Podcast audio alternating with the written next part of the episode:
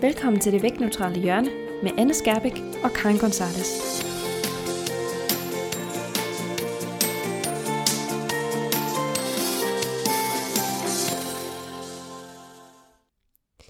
Hej alle sammen, og velkommen til det første rigtige afsnit af podcasten Det vægtneutrale hjørne. Mit navn er Anne Skærbæk. Og jeg hedder Karin Gonzales, og i det her afsnit, der skal vi tale om et af de emner, der nok i virkeligheden er allermest vigtigt for den her podcast, og det er nemlig den vægtneutrale tilgang til sundhed. Øh, som jeg sagde i introduktionsafsnittet, så oplever vi, at der er rigtig, rigtig meget forvirring om, hvad den vægtneutrale tilgang til sundhed faktisk er. Øh, og fordi at den her podcast kommer til at handle om sundhed ud fra et vægtneutralt perspektiv, øh, så tænkte vi, at det ville være en rigtig god idé at starte med at gøre det klart, hvad det egentlig er for en tilgang. Så det er det, vi vil prøve på at gøre i dag. Mm, lige præcis. Men øh, man kan sige, for overhovedet kunne forstå, hvad den vægtneutrale tilgang til sundhed går ud på, så er vi også øh, nok først og fremmest nødt til at se på, hvad den sådan mere traditionelle vægtfokuserede tilgang til sundhed går ud på. Så det vil sige, den tilgang til sundhed, som de fleste sundhedsprofessionelle i Danmark jo i virkeligheden er uddannet i, og som øh, både Karin og jeg jo også er uddannet i. Øhm, ja. ja. Desværre er de fleste uddannelser her i Danmark jo ikke vægtneutrale. Øhm, mange af sundhedsuddannelserne handler rigtig meget om, hvordan man får folk til at tabe sig, og, og at øh, vægt og sundhed hænger sammen. Mm. Øh, og det er ligesom det, vi vil komme lidt ind på i dag, at det faktisk ikke er tilfældet. Lige præcis. Så man kan sige, hvis man sådan skal kigge på, hvad der karakteriserer den, den her vægtfokuserede tilgang til sundhed, den her, det vi opfatter som den normale tilgang til sundhed, øhm, det er jo den her idé om, at vægt og sundhed hænger mere eller mindre uløseligt sammen. Ja. Altså at, at, øh, at man kan kigge på, hvor folk ligger henne på en BMI-skala, og ud fra det kan man så vurdere, om de er sunde, eller om de ikke er sunde. Ja, og øh, jeg tænker, hvis der nu er nogen af jer, der lytter, som ikke er sundhedsprofessionelle som os selv, øh, i har nok højst sandsynligt hørt om BMI, øh, som jo er Body Mass Index, og er et, øh, et mål, som sundhedsprofessionelle rigtig ofte bruger for netop at sige, hvor sund eller usund man er. Øhm, og det er et mål, som man, øh, hvor at man bruger både højde og vægt, øhm, men ikke rigtig noget som helst andet, øh, hvilket er en af grundene til, at det ikke er en særlig god øh, indikator for ens sundhed. Mm, lige præcis. Øhm, og når vi snakker sundhed, så er der jo ofte den her idé om, at det specielt er det at have en høj vægt eller en høj BMI, som er øh, usundt, kan man sige. Så det, det at have en høj vægt, det at have en BMI, øh, der ligger øh, højt op på skalaen, det er forbundet med øget sundhedsrisiko, så man har ligesom den her, den her idé om, at hvis øh, du har en stor krop, hvis du er tyk, jamen så øh, er du også per automatik usund. Ja, det er netop det, som den vægtfokuserede tilgang ligesom bygger på. Det er grundteorien inden for den vægtfokuserede tilgang. Øhm, og i og med, at det er grundteorien, så har man også en opfattelse af, at det er nødvendigt at tabe sig, altså vægttab er nødvendigt for at forbedre ens sundhed. Fordi at logikken ligesom siger, at hvis du har en stor krop, så er du usund, og derfor, så hvis du får en mindre krop, så bliver du sundere. Men det er bare ikke rigtigt det, der sker i virkeligheden. Ja, og man kan også sige, det er jo også lige præcis en af de ting, der faktisk er øh, problematisk ved netop den vægtfokuserede tilgang til sundhed. Altså en ting er, at det reelt set ikke hænger sådan sammen i virkeligheden, og det kommer vi jo også til at, at, at komme lidt mere ind på senere. Men noget andet er også, at det reelt set ikke virker. Altså det, det virker hverken i forhold til at øh, få folk til at komme ned i en mindre krop, og det virker heller ikke i forhold til at fremme deres sundhed. Nej, lige præcis. Øhm, og grunden til, at den her vægtfokuserede tilgang ikke virker, øhm, det er for det første det, du selv siger, at, øh, at det virker ikke at komme ned i en, i en mindre krop i forhold til, at vægttabsinterventioner, så det vil altså sige studier, der kigger på, om folk øh, kan, kan tabe sig øh, intentionelt. Altså hvis de virkelig ønsker at tabe sig, og de bruger alle mulige metoder til det, kan de så tabe sig og holde det vægttab over lang tid. Og der er videnskaben enormt enig øh, i, at det faktisk er mellem 80-95 procent, der tager alle de tabte kilo på igen inden for cirka 2-5 år.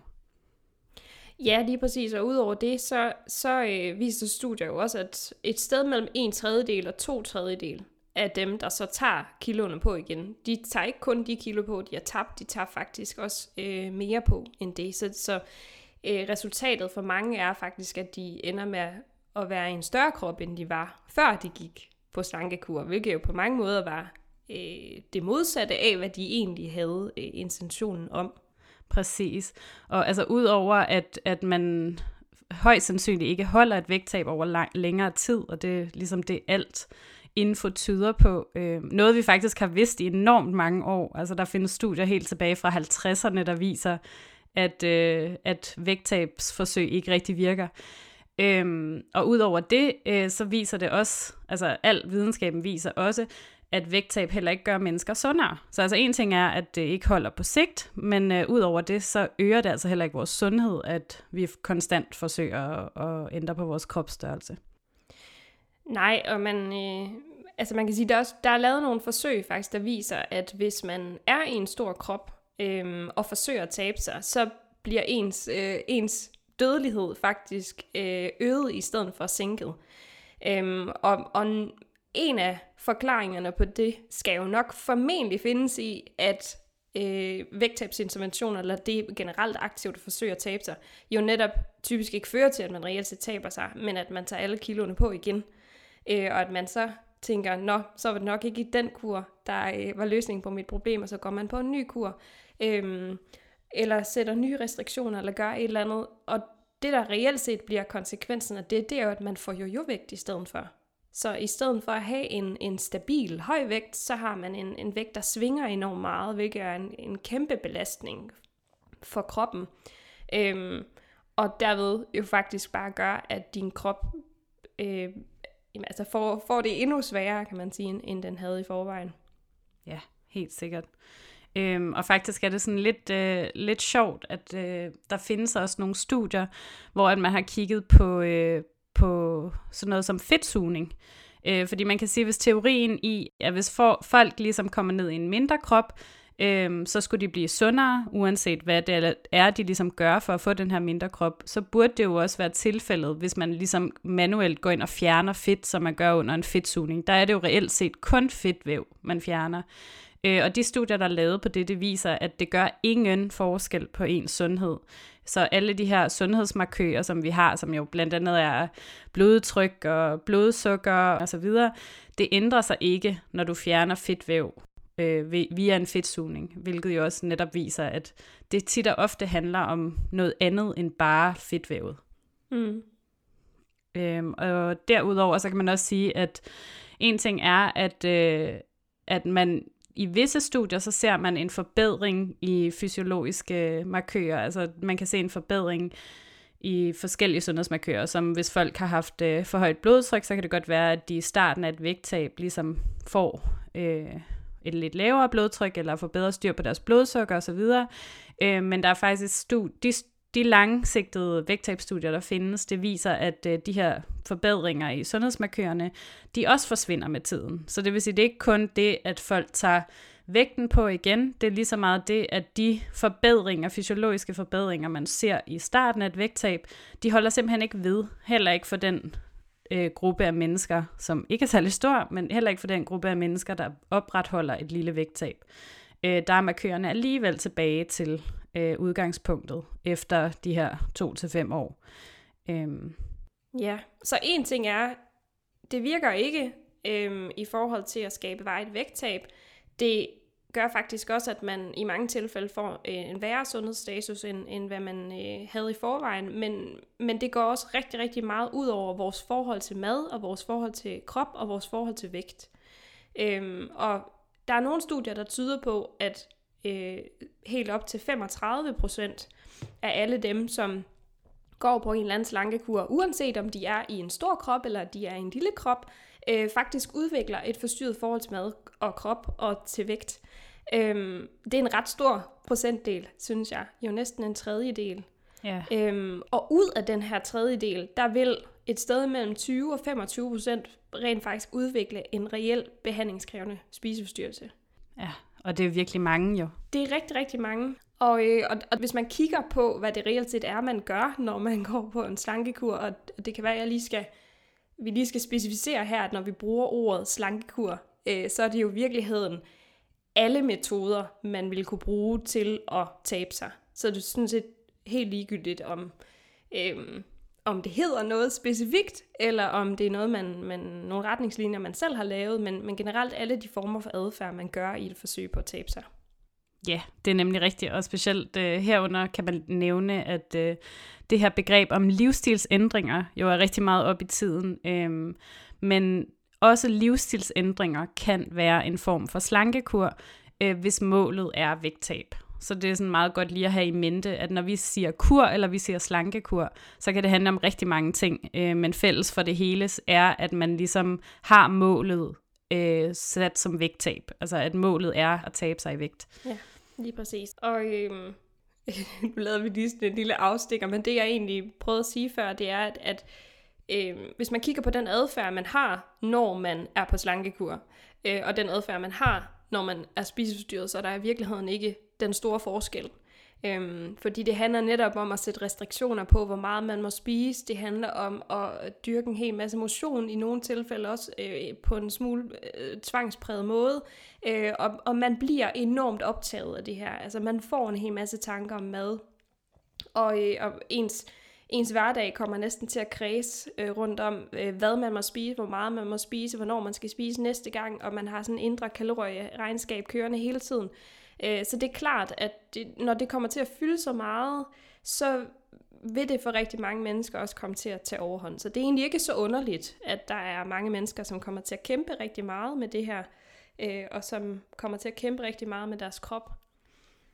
Ja, og en ting er, som du nævner det her med, at øh, der er en procentdel, var det, jeg tror det var 20-25 procent, du sagde, der udvikler en reel spiseforstyrrelse. Men udover det kan man jo kun ligesom gætte, hvor mange mennesker, der udvikler et eller andet slags forstyrret forhold. For en spiseforstyrrelse, som ligesom er behandlingskrævende, er jo en ting. Noget andet er, at man sagtens kan være på det spektrum, der hedder forstyrret spisning, og have det rigtig, rigtig svært, og alt det, du nævner med, og at, man, at det fylder så meget i ens liv og ens hverdag, at det ligesom tager over mange af de områder af ens liv, som man ellers kunne fokusere på. Øhm, så det er jo også en af, en af de ting, man, altså, der er med til at gøre, at den vægtfokuserede tilgang øh, kan være skadelig. Det er det helt sikkert, og, og det er jo øh, langt hen ad vejen også lige præcis den gruppe, som den vægtneutrale tilgang er, er, har, et, har forsøgt at hjælpe. Fordi det er virkelig hårdt at være i, og jeg vil tro, at, øh, at alle dem, som, som jeg har af klienter, de øh, kæmper jo med mad i et eller andet omfang. Og de kommer i alle mulige kropsstørrelser, fordi øh, der er ikke nogen af os, der øh, bliver overset af diætkulturen. Øhm, Nej, og specielt ikke mennesker i store kroppe. specielt ikke mennesker i store kroppe, men vi, vi bliver jo alle sammen påvirket til at tænke, at vi er nødt til at veje et eller andet bestemt. Vi er nødt til at se ud på en bestemt måde for at være gode nok, og ikke kun at være gode nok, men også at være sunde nok. Altså det, det er jo noget, der fylder for rigtig, rigtig mange af os. Mm. Og det er også noget, der fylder for dem, de, de få procent, der rent faktisk lykkes med et vægttab, dem fylder det jo højst sandsynligt også ret meget for. Øhm, altså der er i hvert fald nogle, nogle studier, der viser det her med, at, at når man kigger på de der resterende 5%, der så måske øh, formår at ophold, øh, eller opretholde det her vægttab efterfølgende, så er der jo også en anden grad af forstyrret spisning involveret i den måde, de fortsætter med at leve deres liv. Ja, det er nemlig rigtigt, og, og der findes jo en øh, stor database i USA blandt andet, øh, som har forsøgt ligesom at øh, ja, de prøver på at gøre det på en positiv måde, og prøve at samle folk, der ligesom har opretholdt øh, et vægttab, og prøve at finde ud af, hvad er det, der ligesom er nøglen til at, at opretholde et vægttab i længere tid.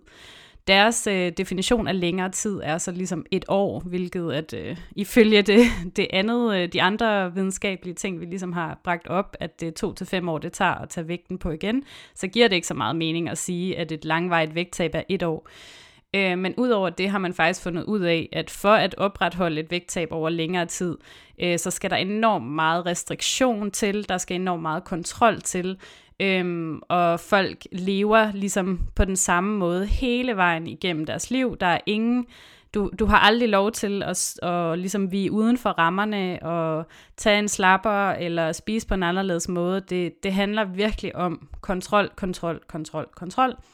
Øhm, og i og med, at de her studier ikke kigger så meget på, hvad det har for nogle mentale effekter, men er meget mere optaget af, om folk ligesom beholder en lavere kropsvægt, øh, så kan man jo kun gætte på, hvad det kræver mentalt at skulle opretholde den her kontrol i så mange år. Mm. Ja, lige præcis. Og øh, udover det her med, at, øh, at det, at vi har så vægtfokuseret en tilgang til sundhed, det øh, rent faktisk fører til en øget risiko for udvikling af spiseforstyrrelser, så er der jo faktisk også et helt andet felt, som, som, øh, som lider lider last under det her, og det, øh, det er jo faktisk det, du øh, interesserer dig rigtig meget for, Kai, nemlig øh, vægtstigmatisering og vægtdiskriminering, som jo faktisk også er en kæmpe konsekvens af, at der er så meget fokus på, at sundhed og vægt hænger sammen.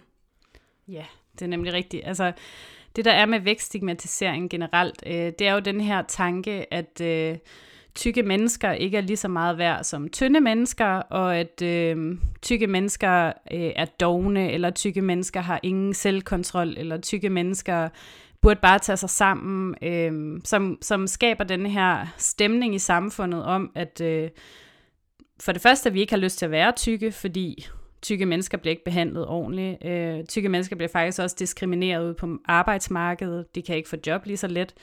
Øh, de bliver i den grad diskrimineret, når det gælder datingverdenen. Øh, der er rigtig mange, der bliver valgt fra på grund af deres kropsstørrelse. Øh, og generelt så er det jo bare en enorm synlig faktor. Altså du kan ikke skjule din kropsvægt og din kropsstørrelse. Og det er også noget, der gør, at de bærer deres stigma enormt ud, altså udvendigt, øh, og gør, at, at ja, det er ligesom, det, det er en ting, man kan pege ud rigtig nemt, at du, du er en stor krop, og derfor har vi ligesom fået at vide, at du er usund, og vi har fået at vide, at du er doven, og vi har fået at vide, at du er noget, vi bestemt ikke skal være. Øhm, og faktisk bliver folk også diskrimineret i, øh, i sundhedssektoren rigtig meget, øh, i forhold til, at der er rigtig mange sundhedsprofessionelle, der har en opfattelse af, at, øh, at de ikke følger de råd, de får, for eksempel. Fordi hvis du nu bare fulgte de råd, så ville du ikke være tyk. Øh, eller at de er usunde, simpelthen på baggrund af deres øh, kropsstørrelse, og for at vide, at de skal tabe sig, uden at der bliver lavet nogen øh, som helst undersøgelser over, om de rent faktisk er sunde eller ikke. Øhm, så det er en kæmpe, et kæmpe problem i vores samfund, og det er faktisk også en uafhængig øh, risikofaktor for sundhed, øh, hvilket er enormt interessant.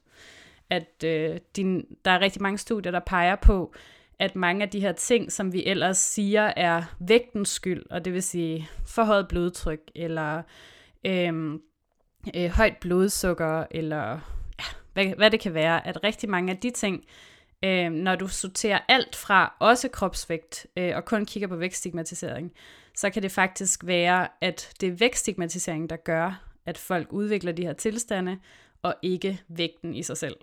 Øh, det er ret ny forskning, og det er en tendens, man ser. Så det er selvfølgelig ikke noget, man... Altså inden for forskning kan man jo aldrig sætte to streger under og sige, nu har vi fundet hele sandheden, og der kommer aldrig noget mere. Øh, men det er i hvert fald noget, der er rigtig vigtigt at tage med øh, i baghovedet og tænke på, at rigtig mange af de ting, som vi tænker er fysiologiske, øh, måske også kan bygge på noget psykisk i stedet for. Ja, og man kan sige lige præcis, det her felt er jo faktisk også øh, noget af det, som jo også mennesker, der arbejder vægtfokuseret, er begyndt at have ret meget fokus på. Altså vægtstigmatisering fylder mere i vores samfund, og, og det er også gået op for jeg har ikke, har, ikke, har ikke lyst til at kalde det den anden side, men i hvert fald dem, der, dem, der arbejder vægtfokuseret stadigvæk, det er også gået op for dem, hvor store problemer det skaber for mennesker med vægtstigmatisering. Altså hvor, hvor stor en indvirkning det har på dem, og der er studier, der viser, at mennesker, der bliver stigmatiseret på grund af deres vægt, har en tendens til at være mere inaktive og generelt øh, spise mindre varieret og ikke opsøge læge i lige så høj grad, fordi de er bange for at blive, øh, blive udskammet. Øh, man er bange for at gå ned i fitnesscenteret, fordi folk kigger på en. Altså man, det kan også være, at man i højere grad, øh, fordi du føler dig så grundlæggende forkert over måden, du ser ud på, så kan det også godt være, at man, man bruger mad i højere grad til at dulme følelser. Øh, generelt set så påvirker det mennesker rigtig, rigtig meget. Og det, det har man også set selvom man arbejder vægtfokuseret. Problemet er bare, at, at når man så går ind og siger, jamen vi skal sørge for at ikke at udskamme øh, mennesker i store kroppe, fordi øh, stigmatisering har en negativ effekt, så bliver det ofte med sidenoten, fordi hvis vi stopper med at udskamme dem, så kan de bedre tabe sig. Ja. Øhm, og, og så bliver det sådan lidt stigmatisering i en anti-stigmatiseringskampagne, øh, synes jeg, fordi du jo stadig siger, øh, der er stadig noget galt med dig, at du er stadig tyk, og du skal stadig stoppe med at være tyk, men vi vil gerne være søde ved dig, øh, fordi så er det nemmere for dig at stoppe med at være tyk. Og, og øh, tanken er sikkert meget god, men den er også enormt misforstået. Ja. Ah, men jeg kunne ikke være mere enig. Jeg sidder, det kan man selvfølgelig ikke se, når det er en podcast, men jeg sidder her og nikker meget ivrigt til alt, hvad du siger. Øh, ja, det kunne jo ikke være mere rigtigt. Og, og det er simpelthen så ærgerligt, at, øh, at de kommer så tæt på øh, retorikken i forhold til at sige, vi skal virkelig komme det her stigma til livs. Det skal stoppes. Vi skal behandle alle mennesker i vores samfund med respekt og værdighed. Alle mennesker har lov til at være her. Alle mennesker har en værdi.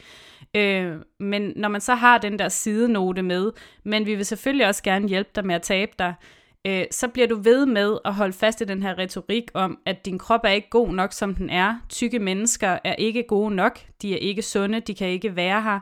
De skal væk. Øh, så det er, ja, det er en rigtig ærgerlig øh, misforståelse, det er det helt sikkert. Ja, det er jo også øh, langt hen ad vejen en misforståelse af, hvad stigmatisering egentlig er. Fordi stigmatisering er jo netop det, at et menneske øh, har et stigma, altså et eller andet, der gør, de stikker ud, der gør, de afviger fra det, man vil opfatte som normalen. Og det er på grund af det stigma, at vi ligesom tager afstand til dem og forsøger at lave dem om og få dem til at passe ind i samfundet. Men at sige, at stigmatisering er negativt, men samtidig sige, at stigmaet er rigtigt, altså at det er, det er negativt at være tyk, det, det kan man ikke rigtigt. Nej. Altså de to ting hænger simpelthen ikke sammen. Altså så, så længe man rent faktisk holder fast i, at det at være tyk er et stigma, altså det er noget, der gør, at du adskiller dig fra andre, noget, der gør, at du ikke er god nok, noget, der gør, at du afviger, jamen så vil man blive stigmatiseret. Mm, helt sikkert. Så det er jo også en af de ting, som vi kæmper for, det er jo netop, at mennesker i store kroppe ikke skal blive stigmatiseret, fordi det at være i en stor krop i sig selv ikke nødvendigvis behøver at være usundt. Og det gør uanset hvad, i hvert fald slet ikke, at du er mindre værd som menneske. Alle de her alle de her karakteristika, vi typisk forbinder med mennesker i store kroppe, der er jo ikke hold i det i virkeligheden. Nej, slet ikke. Altså, du er jo ikke mere doven, du er ikke øh, mindre attraktiv, du er ikke alle de her ting. Det er bare fordi, vi lever i en diætkultur, hvor vi har besluttet os for, at du skal se ud på en bestemt måde for at være okay. Det er jo noget fis, fordi mennesker kommer jo i alle mulige størrelser. Også fra naturens side. Og det er vi jo nødt til at kunne rumme. Mm. Jamen, jeg kunne ikke være mere enig. Øh, men jeg tænker, det måske er øh, oplagt at gå videre fra, øh, fra det, du siger nu her, øh, og så over til, hvorfor det egentlig er, at øh, sundhed ikke kun handler om tallet på vægten. Øh, for det, du sidder og siger, er jo netop, det er ikke nødvendigvis øh, en sandhed, at bare fordi du er tyk, så er du usund. Øh, vi snakkede en lille bit smule om det i starten, og jeg tænker, at det måske er det, vi skal gå videre med nu. Øh, fordi at det her med sundhed, det handler jo virkelig om mange andre ting end bare din kropsstørrelse. Altså alle øh, kæmpe studier viser, at sundhed simpelthen er så indviklet. Øh, for det første kan det næsten være svært at definere, hvad sundhed egentlig er. hvad, øh, altså det, det er jo en diffus størrelse. Du kan jo ikke bare sige, at sundhed er fravær af sygdom. Altså, det er jo så mange andre ting end det. Øhm, og sundhed øh, afhænger jo også af både genetik og so- socioøkonomisk status, det vil sige din uddannelsesniveau, din indtægt, øh, hvor du er vokset op, om du har gået i skole, øh, ja, alt sådan noget.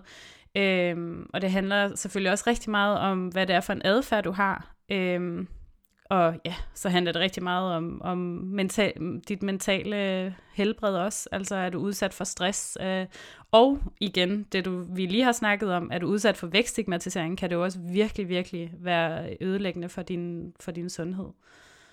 Øhm, så det er jo enormt vigtigt at have i mente, at sundhed ikke... Du kan ikke sige, at ja, du har en høj vægt, så derfor er du usund. Du har en risiko måske for, at, at, at, at der er nogle... Øh, nogle ting, du kan udvikle, men det kan du lige så vel have i en anden krop, og det kan lige så vel have noget at gøre med din genetik, eller din socioøkonomiske status, øh, mm. eller så meget andet. Øhm. Ja, lige præcis. Så, så man kan sige, vi, øh, vi anerkender jo fuldt ud, at når vi kigger på befolkningsstudier, så ser der ud til at være en sammenhæng mellem din BMI og øh, din sundhedstilstand. Så hvis man udelukkende kigger på de to faktorer, så får vi sådan en, en fin U-formet kurve, hvor der er øget risiko, øh, hvis du har en meget lav BMI, og der er øget risiko, hvis du har en, øh, en høj BMI, og hvis du ligger et eller andet sted inde midt imellem, øh, så er der en lavere risiko. Men problemet er bare, at når vi kigger på sådan nogle befolkningsstudier, der sammenligner vægt og sundhed, så er der bare rigtig, rigtig, rigtig mange faktorer, der bare slet ikke bliver taget højde for i den ligning. Fordi altså, der kunne være så mange andre ting, der, der er forklaret, at kurven ser ud på den måde. Og du nævner jo rigtig mange af dem her. Altså, der kan være noget genetisk, der kan være noget med socioøkonomisk status, der kan være noget i forhold til sundhedsadfærd øh, generelt set. Og så er det virkelig vigtigt at sige, at bare fordi der ses en sammenhæng på befolkningsniveau, så er det ikke ens betydende med, at der reelt set, set altså ses den samme sammenhæng på individniveau. Så bare fordi man på befolkningsniveau kan se, at der er en øget risiko i en bestemt gruppe, så er det altså ikke ens betydende med, at hvis du så ser et menneske, der tilhører den gruppe, at så har det menneske automatisk en øget risiko.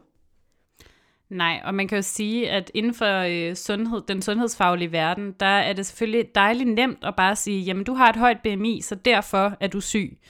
Øh, men i virkeligheden så er det jo enormt doven øh, praktik, kan man sige, fordi at du netop som du siger, ja, det kan godt være, at, at det er den øh, udvikling, der er på, eller den, det billede, der er på øh, befolkningsniveau, men du sidder med et individ foran dig, og det kan godt være, at de har en stor krop, men derfor er det ikke ens betydende med, at der er noget som helst galt med dem. Og hvis du ligesom bare sender dem i, ud af døren, uden at, at sige andet end, at du er tyk, så derfor er du syg, så, ja, så misser du en hel masse øh, nuancer og en hel masse ting, som, som også kunne, kunne spille ind. Ja, lige præcis, og man kan jo også sige, at, at der findes jo virkelig mange mennesker, der er i en stor krop, som jo har en glimrende sundhedstilstand. Altså som overhovedet ikke er syge på nogen måde. Og omvendt så findes der også masser af mennesker, som er i en mindre krop, som rent faktisk har nogle sundheds, øh, sundhedsmæssige udfordringer. Og, og det er jo enormt ærgerligt, fordi vi kommer til at overse den del af de mennesker, der er i en mindre krop, som rent faktisk har brug for hjælp. Og samtidig så kommer vi til at sygeliggøre mennesker i store kroppe, som øh, er sunde og raske, bare fordi de er i en stor krop, i stedet for rent faktisk at prøve at kigge på det, på det fulde billede.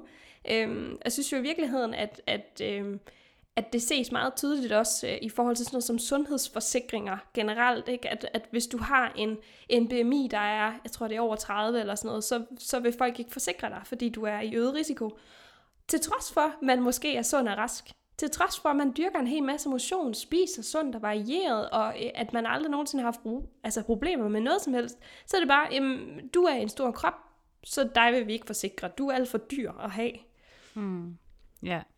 Ja, det er jo vir- et virkelig trist eksempel på, hvordan øh, vores samfund diskriminerer mennesker i store kroppe.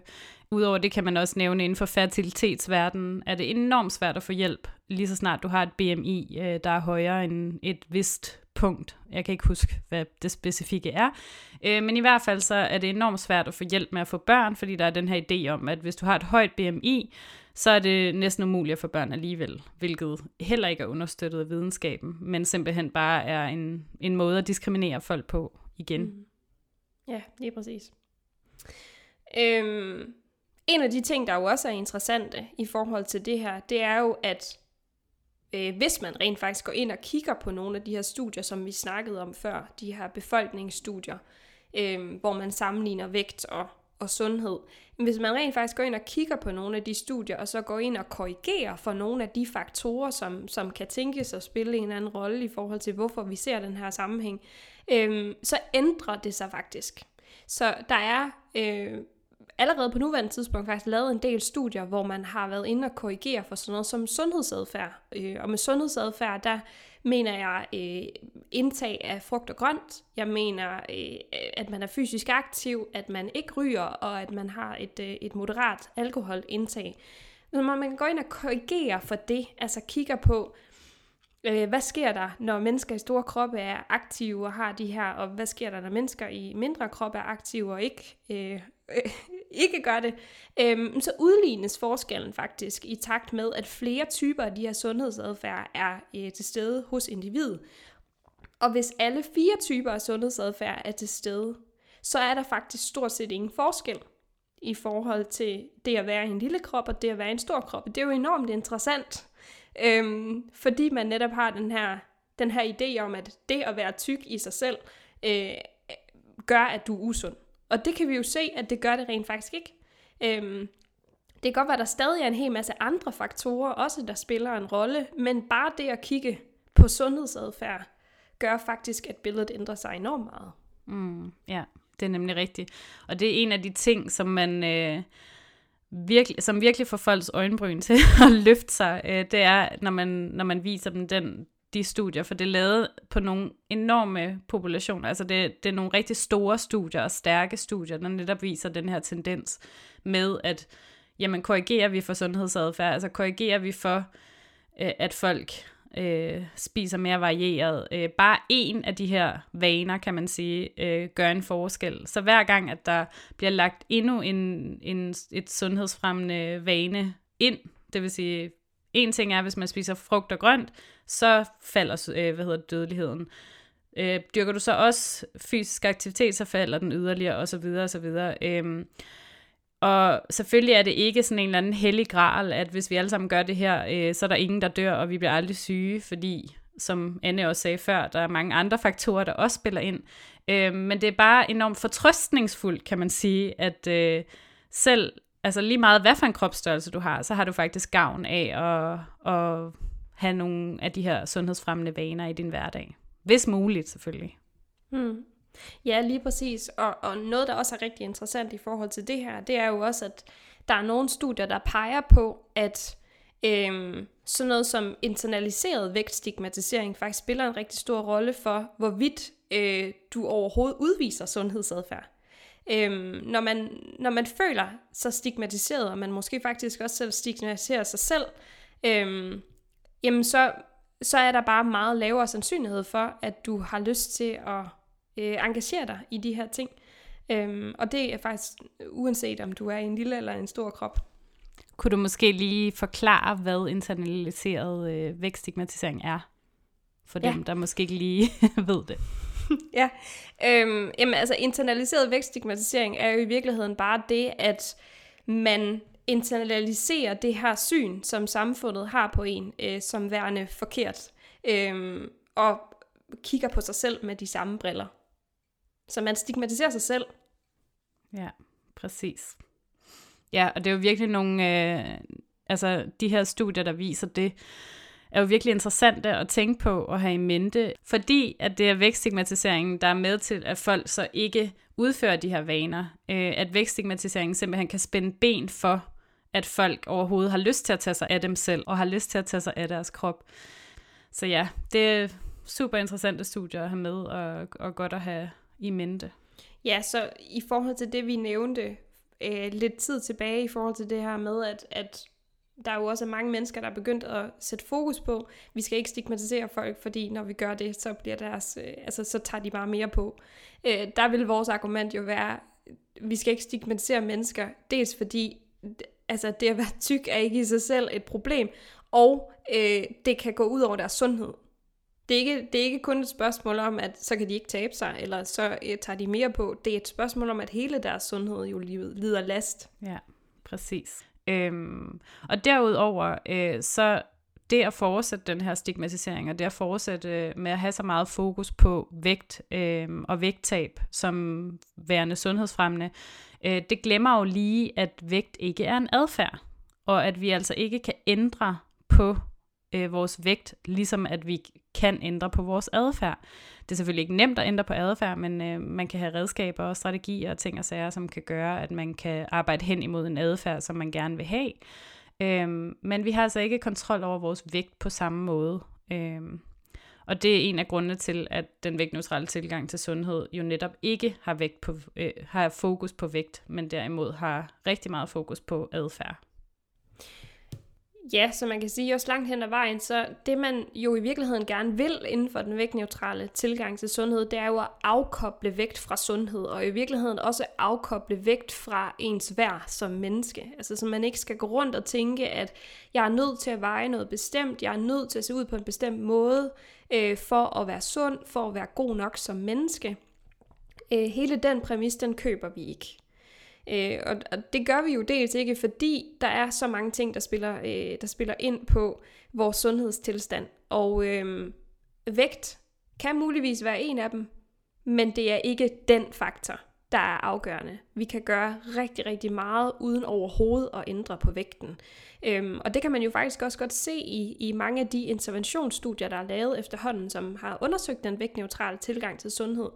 Fordi det man jo ofte gør i de interventioner, det er, at man tager en eller anden form for vægttabsintervention, og øh, typisk vil de faktisk tage det, der sådan vil opfattes som golden standard øh, inden for vægttabsinterventioner, altså den intervention, som har vist sig at have bedst effekt, og så holder man den op imod en vægtneutral intervention, hvor der ikke er fokus på, at man ændrer på tallet på vægten, men hvor der er fokus på adfærden, altså hjælpe mennesker med at få en... Øh, en mere sundhedsfremmende adfærd, hjælpe dem med at spise intuitivt og øh, bevæge sig på en måde, som de øh, finder nydelsesfuldt, og så er der fokus på, øh, at de accepterer deres krop, som den er, at de øh, netop tager afstand til den her diætkultur og lærer at tage bedre vare på sig selv.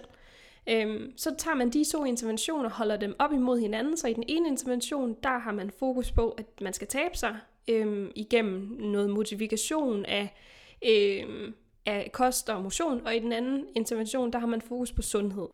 Du skal lære at behandle din krop bedre, du skal være fysisk aktiv på en nydelsesfuld måde osv. Øhm, så når man samler, sammenligner de to interventioner, så sker der ofte det, at øh, når man sammenligner resultatet bagefter, så hvis man kun kigger på de sundhedsmæssige parametre, så er der faktisk stort set ikke nogen forskel. Så det vil sige, at de fysiologiske ændringer, man måske kan se, øh, som skulle være det, der var hele formålet med, at man skulle tabe sig. Det får man faktisk også i den intervention, hvor der ikke har været vægttab. Mm. Ja, helt sikkert. Øhm, og udover det, så i og med, at, som jeg også nævnte før, at vægt jo netop ikke er en adfærd, øh, vi har simpelthen ikke den samme kontrol over vores vægt, øh, som vi ligesom bliver bildt ind det, der er ligesom sådan en retorik i samfundet om, at øh, vi nærmest kan vælge den vægt, vi allerhelst vil have, og så skal vi bare arbejde virkelig hårdt og tage os sammen, og jeg ved ikke hvad, og så ender vi på den der vægt, som vi drømmer om. Øhm, og det er jo bare slet ikke det, der er tilfældet. Altså, vi har jo et genetisk øh, prædisposition. Altså, det, vores, vores krop vil rigtig gerne ligge et sted, hvor at den har det godt. Øhm, og der er en teori, som hedder sætpunktsteorien, som ligesom handler om, at ens krop gerne vil ligge øh, mellem øh, et interval af nogle forskellige kilo, øhm, og ligesom ligge der nogenlunde stabilt. Altså ideen er ligesom, at vores vægt lidt er ligesom et termometer, øh, at den ligesom forsøger at være der, hvor den har det godt. Øh, så hvis du taber dig lidt, så vil den forsøge at komme tilbage til der, hvor den var før, fordi det er der, den har det godt. Øhm, og det er også derfor, at vores vægt lige så stille kan gå opad, øh, når vi gentagende gange forsøger at manipulere med den, fordi så kan den overkompensere lidt kroppen i forhold til at prøve at komme tilbage til udgangspunktet, øh, og derfor holde fast i en lidt højere vægt hver gang, at man har forsøgt at tabe sig. Øhm, og det er derfor, at vi virkelig, virkelig inden for den vægtneutrale tilgang øh, stræber efter ligesom at stabilisere vægten. Altså målet er ikke vægttab. Målet er ikke øh, heller ikke, at uha nej, du må ikke tage på, fordi nogen vil begynde at tage på, når man begynder at lytte til sin krop. Andre vil tabe sig lidt, og nogen vil stabilisere vægten der, hvor den er. Og det er nok det, der sker for langt størstedelen af folk, der begynder at, at lytte mere til deres kroppe. Øh, og det er helt okay øh, inden for den vægtneutrale tilgang, i og med at vi netop ikke sætter vægt og sundhed, øh, sætter lighedstegn mellem vægt og sundhed, så er vi som vægtneutrale behandlere også helt ligeglade med, om din vægt går op, ned eller bliver, hvor den er.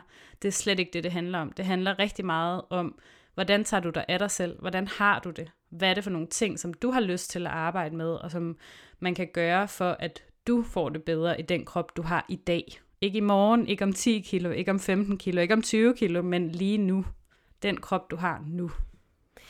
Ja, lige præcis. Og i forhold til det, der er det også virkelig, virkelig vigtigt at sige, at når vi går ud og siger, at man inden for den vægtneutrale tilgang øh, ikke har fokus på vægt. Altså det er sindssygt vigtigt at flytte fokus væk fra vægt over på adfærd i stedet for. Altså hvad kan vi reelt set gøre for at sikre, at, at du får en bedre sundhedstilstand, at du får det bedre med din krop, får det bedre med mad, får det bedre med dig selv osv.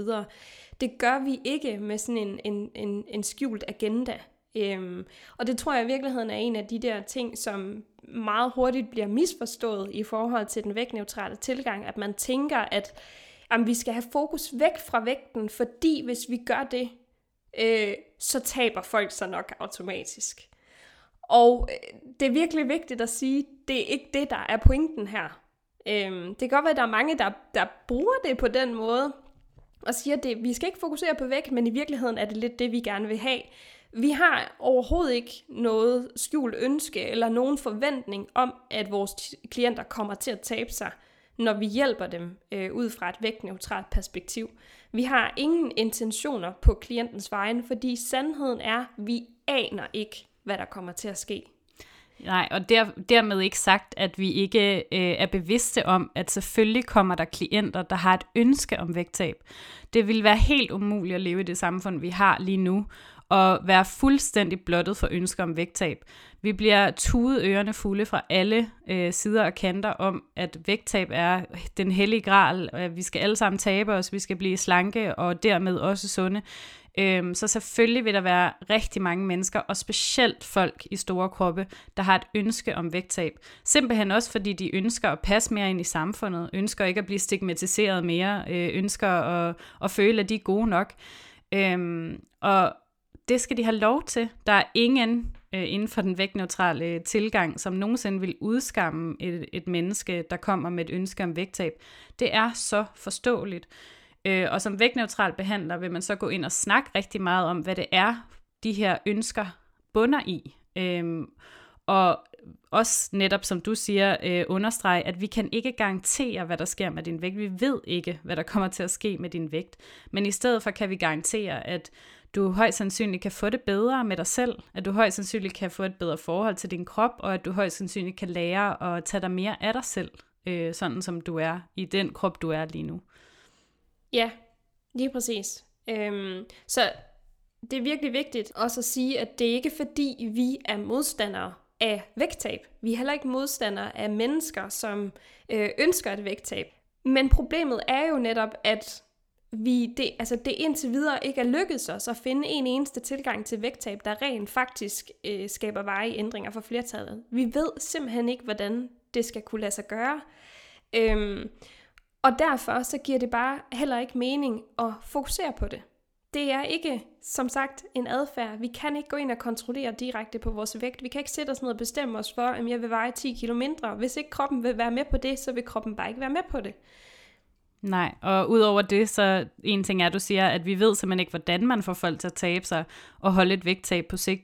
Men udover det, som vi også har snakket om tidligere i det her afsnit, øh, så giver det heller ikke nogen sundhedsgevinst på sigt. Øh, så der er faktisk ikke nogen øh, stor grund til at ville tvinge en krop ned til en mindre størrelse, øh, hvis ideen er, at det skal handle om sundhed øhm, så giver det bare ikke nogen mening.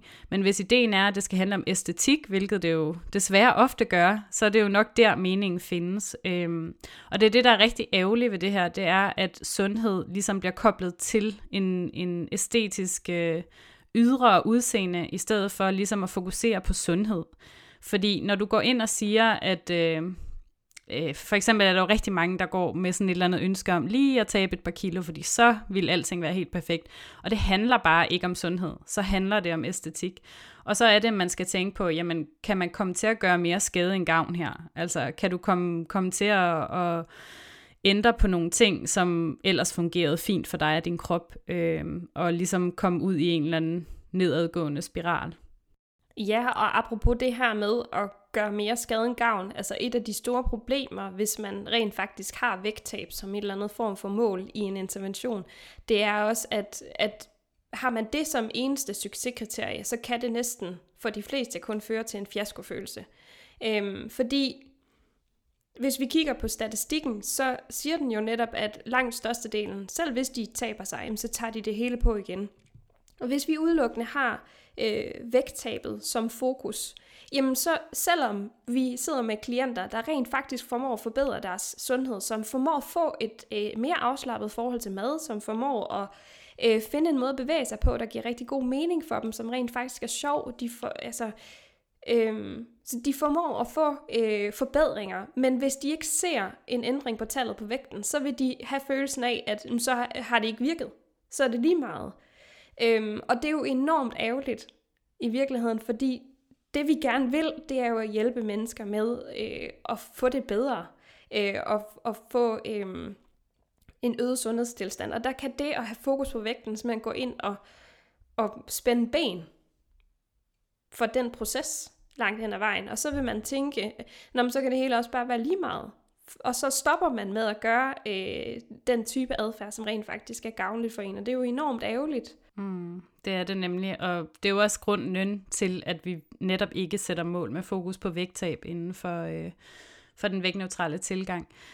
Øh, både fordi vi netop gerne vil bekæmpe stigmatiseringen, øh, og fordi at vi simpelthen ikke mener, at sundhed øh, hænger uløseligt sammen med din kropsvægt, øh, men virkelig også fordi, at der er så mange mennesker derude, der har fået de her fiaskooplevelser igen og igen og igen og igen, og føler sig svigtet af sundhedssystemet, føler, sig, føler, at de ikke er noget værd, at de ikke kan finde ud af, hvorfor kan jeg ikke, og nu har jeg prøvet og prøvet, og nu prøvede jeg denne der kur, og det virkede ikke, og jeg prøvede den anden, og det virkede heller ikke, og hvad er der galt med mig, hvorfor kan jeg ikke finde ud af det, når det i virkeligheden ikke handler om en selv, eller at man ikke kan finde ud af det, men det handler om, at systemet simpelthen er i stykker, og at det er en tilgang, øh, der simpelthen ikke virker. Det er ikke dig, der ikke virker, det er simpelthen den her tilgang, og det her med at fokusere på vægt, der ikke virker. Hmm. I hvert fald for, for, for størstedelen, når man kigger på, på statistikken.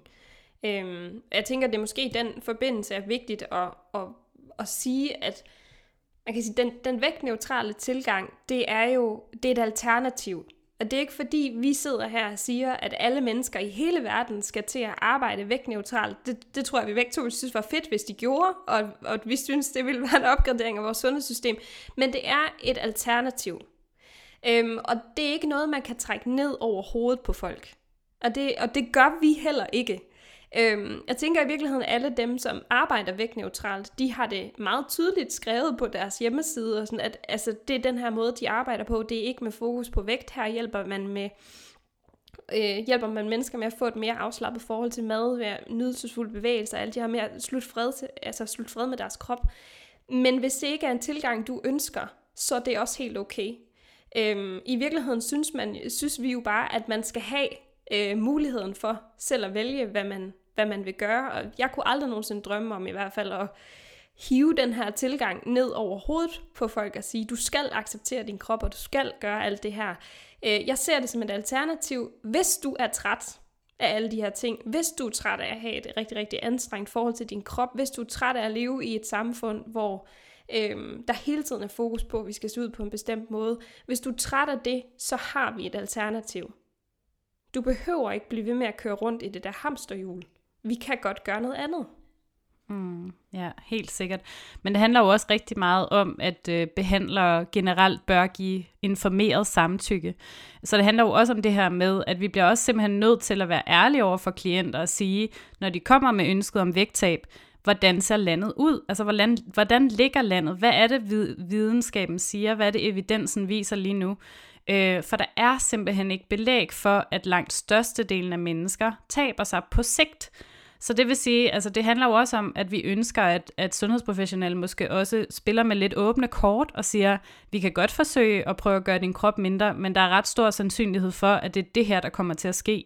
At du kommer til at tage det på igen, at du kommer til at måske at tage endnu mere på, og der kan også være en forværing af din psykolo- psykiske tilstand. Øhm, og det, det, det handler jo ligesom om, at man på begge sider spiller med åbne kort. Øh, og som du også siger, det her er ikke den eneste måde at arbejde mod sundhed. Øh, det er den måde, vi tror på, og den måde, vi, vi går ind for. Øh, men er du ikke der i dit liv, øh, så er det, som du siger, ikke noget, vi nogensinde vil trække ned over hovedet på dig. Men man kan have en samtale omkring det, og have en samtale om, hvad er det egentlig, du ønsker i dit liv? Hvad er det for nogle værdier, du har? Hvad er det, du gerne vil? Øh, og tit og ofte kan man opnå rigtig meget af det, uden overhovedet at fokusere på vægttab. Ja. Så det, der jo langt hen ad vejen ligger i det her begreb vægtneutral øh, sundhed over for vægtfokuseret sundhed, det er jo i virkeligheden bare, at vi, vi forholder os neutralt til vægt. Øh, vi forholder os neutralt til, hvad det er for en vægt, vores klient har på nuværende tidspunkt.